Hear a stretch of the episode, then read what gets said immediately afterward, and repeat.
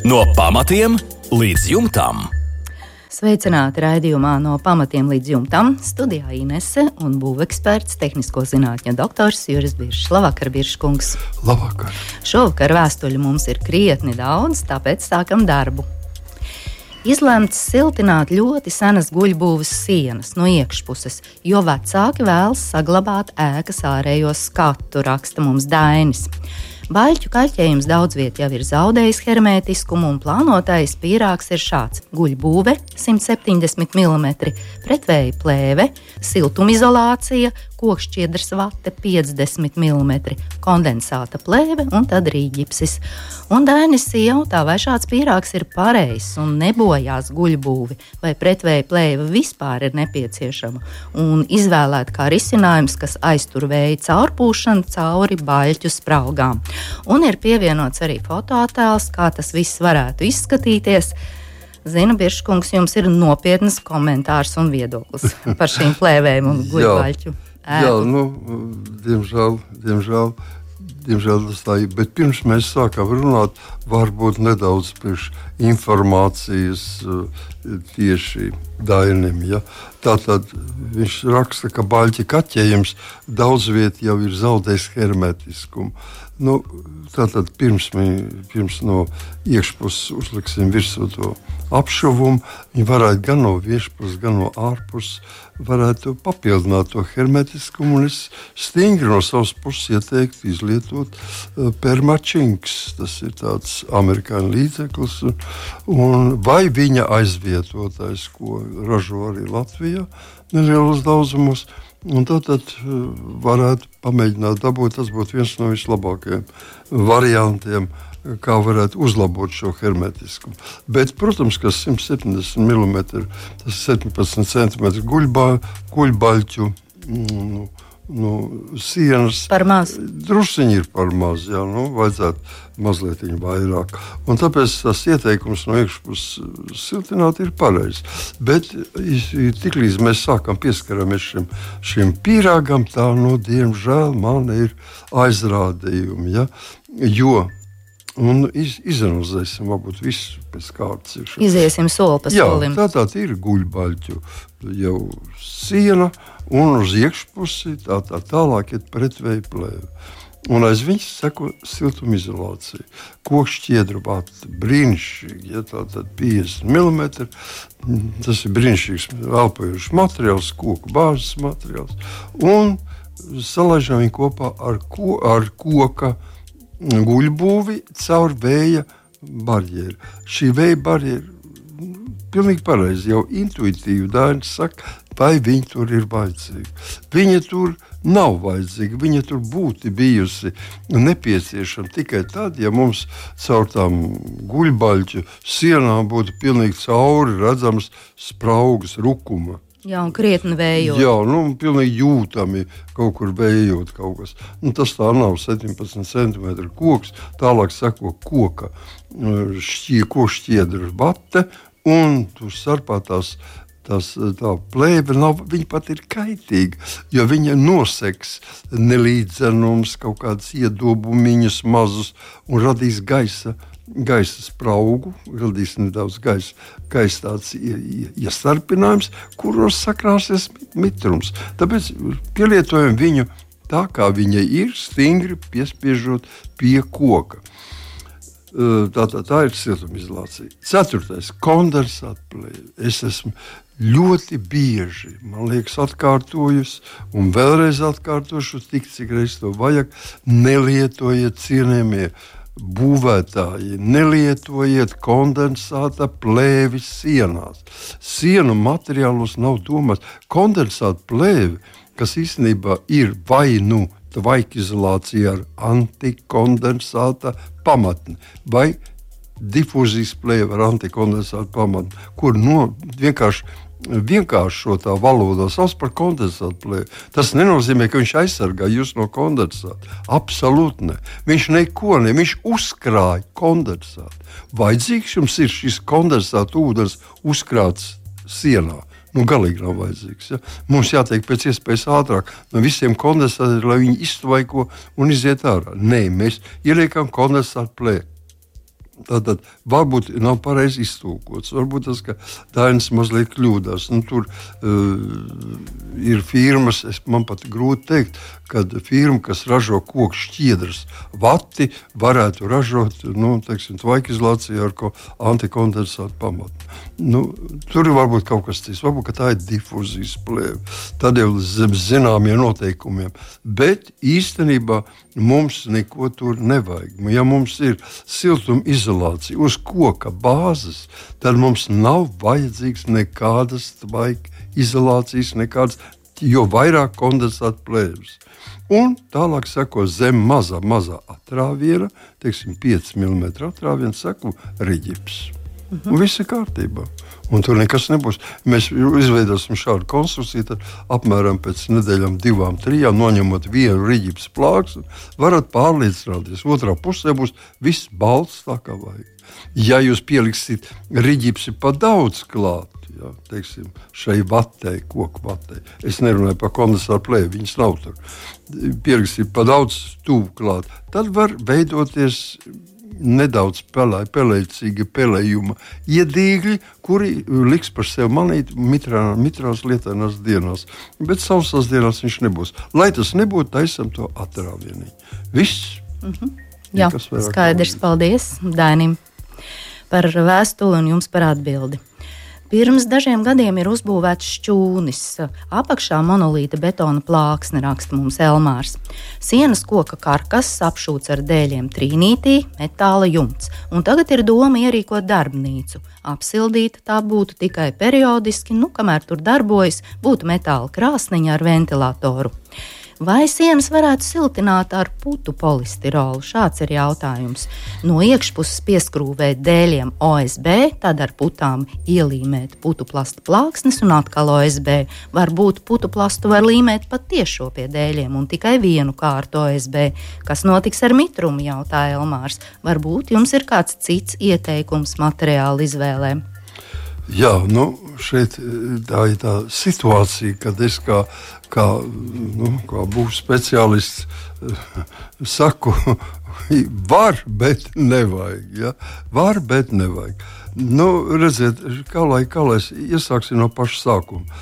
Nu, Tātad tas, kad ir uztaisīts koks šķūnīts uz betona plātnes, viss ir lieliski. Ja gribam divot darbnīcu, pirmais, kas mums jādara, nevis silti, nevis sienas siltināt, bet pirmais mums jāpaskatās, lai cilvēks vai kas tur nu, strādās, tā tad atrastos ar, ar uz, nevis uz augsta pamata, bet tur jāveido grīda. Grīdas pamatne, Piepaceļama grīda, ko grīda.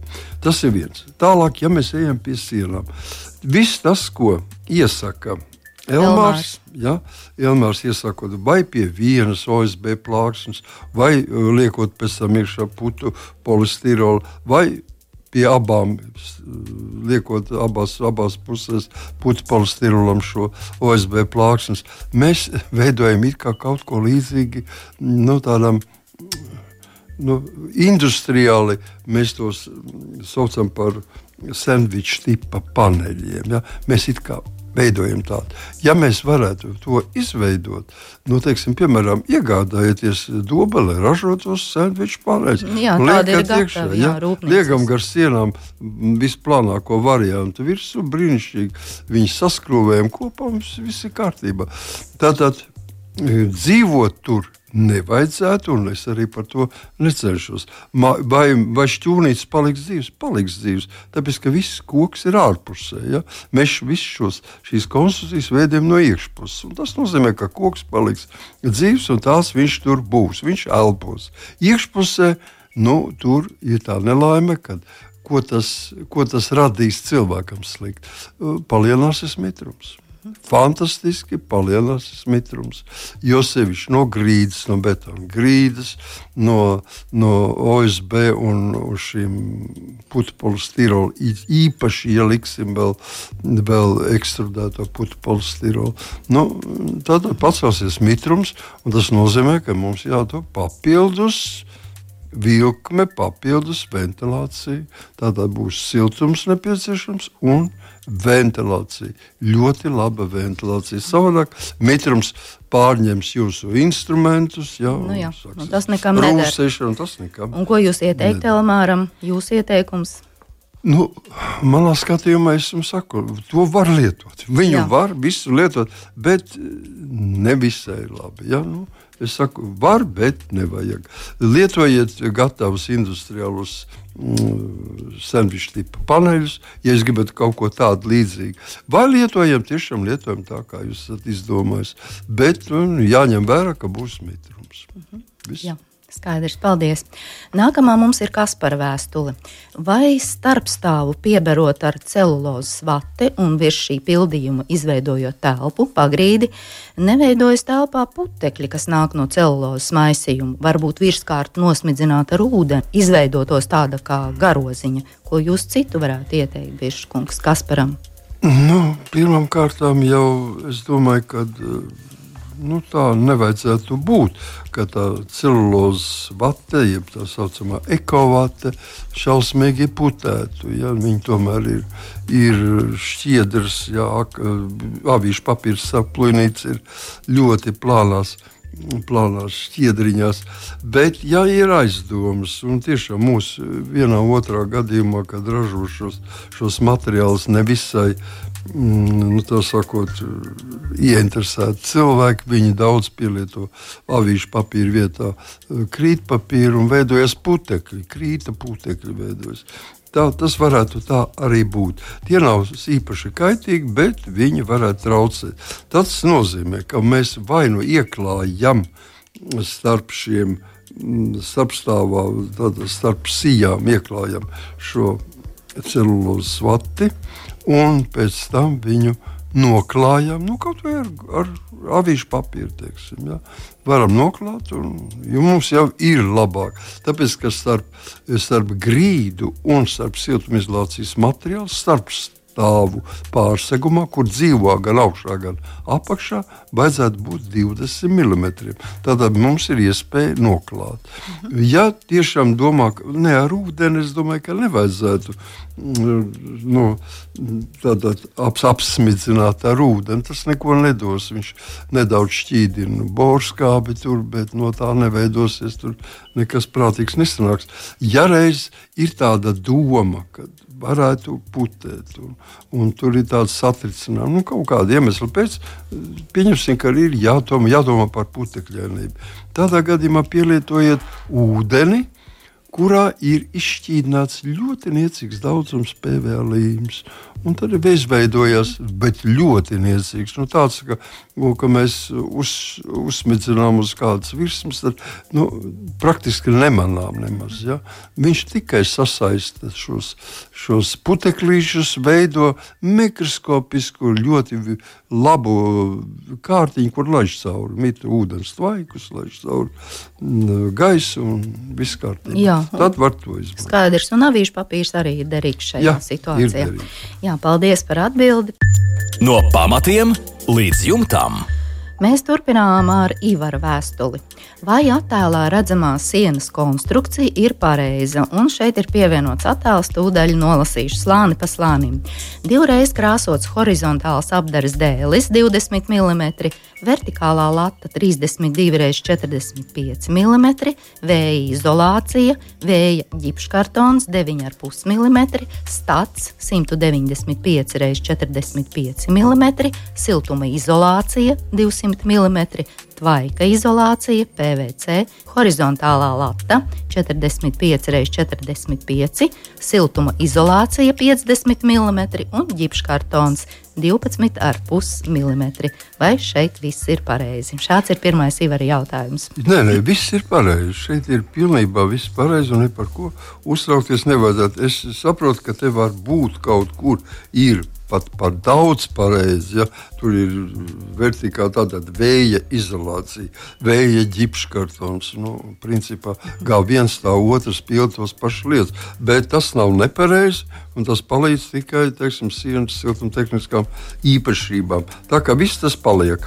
Jautājums, ka, ka, ko uzstādīju. Ka, mūsu autors. Ivars, viņu Ivars. mulsina plēve starp Jā, lapēm, viņa mūsu jā. šī plēve, kas ir šeit. Tas ir pašā beidzamā, ko tu nolasīji. Bija tvaika izolācija, pēc tam bija horizontālā lata, pilna ar siltumizolāciju un ģipškartons. Jā. Un, un pirms, otrā pusē tvaika izolācija atkal bija siltumizolācija. Starp divām siltumizolācijām ielikt plēve. Plēve, jā. Jautājums, kāpēc tas tā ir? Tā ir pareizi. To sauc par tā saucamo skandinālu metodi. Un īstenībā tā. Liekot roku uz sirds, mēs teiktu, ja mēs strādātu kā juvelieri, būvnieki, tad mēs liktu tikai vienu plēvi. Tas ir pašā ārpusē, uz silt, siltajā pusē, uz siltumizolācijas materiāla liktu tvaikizolācijas plēvi. Bet tā kā mums uh, vienmēr ar to strādāšanu ir diezgan paviršāk iznāk, tad mēs varam sabojāt, teiksim, taisot elektrolīgsdiņas vai vēl kaut kabeļus. Mēs varam sabojāt šo plēvi. Ja? Un tāpēc, ko dara, liek 5 cm plēvi. Tas ir, tas ir liek plēvi, un pēc tam 5 cm vēl vata pa virsmu. Un Tā viss. kā drošība. Tā kā jūs droši varat rīkoties ar tiem 5 centimetriem un atstājiet mierā to plēvi. Mm -hmm. Tāpēc Skaidrs. tas ir pareizi. Jā, un vēl Ivaram ir jautājums par apsildāmo grīdu. Cik bieza būtu nepieciešama industriālā betona kārta? Viedokļi dalās. Viens meistars saka 7 cm, cits 10 cm. Manā gadījumā caurulis būs 17 mm un stiegrojuma režģis virs caurulēm. Jā, nu tas stiegrojuma režģis ir 6 mm. Caurulīts ir 17 mm caurmērā. Jā. Tā, un tātad mēs ļoti īsi atbildēsim uz šo jautājumu. Vienalga, vai tas ir industriāls betons, vai tas ir eštrihtīpa betons, ko mēs liekam parasti šajā vietā, tam ir jābūt 40, es teiktu tā, starp 40 un 50 mm. Nu, Vācu darbinieku pētījumi uzrāda pat vidēji 45 kaut kur milimetri. Tātad es teiktu tā, ka no 40 līdz, līdz pat tiem 70 arī varētu būt, bet lūdzu ne vairāk. Ne vairāk. Tātad ideāls gadījums būtu 45 mm. Tas ir pierādīts ar, ar zinātniskiem pētījumiem un skaitās optimāls, lai nodrošinātu gan pie uh, caurulīšu, tās, gan, gan pie elektrokabeļa apsildes. Jā, paldies par atbildēm Ivaram. Siltina guļbūvi. Vertikāli brūces, kokšķiedras plāksnes iekšā sapūtīs ekovati. Mums raksta Oskars. Ir vieta, kura rada bažas, un Oskars baidās kaut ko izdarīt nepareizi. Mājā ir nojume, un mūsumu rada tā apvilktā vieta. Šeit ir pievienoti vairāki fotoattēli. Tādai spraugai ir jābūt. Šāds ir jautājums. Un ko tur darīt ar siltināšanas konstrukciju? Precīzi nezinu, kā, bet tā kaste ir savienota ar jumta apakšējo daļu, pa kurienu lien iekšā kaķi un arī citi zvēriņi. Un šie zvēriņi ielien jumtā un stiepjā ārā siltinājumu. Un tas redzams gan šajā kastē, gan dažreiz arī pagalmā. Ko darīt? Ko darīt ar šo konstrukciju? Brūces līdz augšas spraugai, tad visam pa virsmu priekšā kokšķiedru likt, nu, telpa samazināsies pa konstrukcijas tiesu. Varbūt nelielu komentāru par šiem fotoattēliem. Bieži kungs zvēriņus mēs arī redzam Nē, fotoattēlā. nu, jā. tas viss ir skaidrs. Es tā, no sākuma skatījos, ja tā ir tāda, tāda nu, indiāņu jumts, varētu teikt, tāds nolaists līdz pašai zemē, iet tā piebūve, iet kā turpinājums jumtam un iet līdz pašai zemē. Nu, es neticu, ka būtu jāsiltinās šī pažobele, ja šī, šis, eh, šī piebūve jāstiprina. Tātad, cik es saprotu, jāsiltina tikai pati guļbūve. Un tātad arī guļbūve, to tas, tas tā ir jādara. Ja? Tātad paceļam uz augšu brusces līdz pat augšai, līdz spraugai, un tad visam priekšā koks šķiedru. Un tātad to starpu, to ja tur veidosies gaisa ieslēgumi, to mēs pieberam ar ekovātu. Un samazina, protams, un par šo daļu mums samazināja šī telpiņa, kas Nu, tur priekšā. neko nevar darīt. Tur neko mēs nevaram darīt. Bet ne, nepievērš, lai gribētu teikt, lai Oskars nepievērš uzmanību ne tai spraugai, ko viņš ir atsūtījis, ir liekot virsū šo eh, latu un apšujot ar, ar, ar kokšķieru plāksni. Un to visu pildot ar siltumizolācijas materiālu, mēs būsim pāri šai spraugai. Tur, kur beidzās, beigsies siltinājums, tur būs jāveido sprauga no jauna. Jābūt. Jo kas mums ir? Mums ir pašobelē gaisam jāieiet jumta konstrukcijā. Ja tas nav izdarīts pie zemes, nu, zemes līmenī, tad tam jānotiek kaut kur augstāk. Paldies par atbildi Oskaram.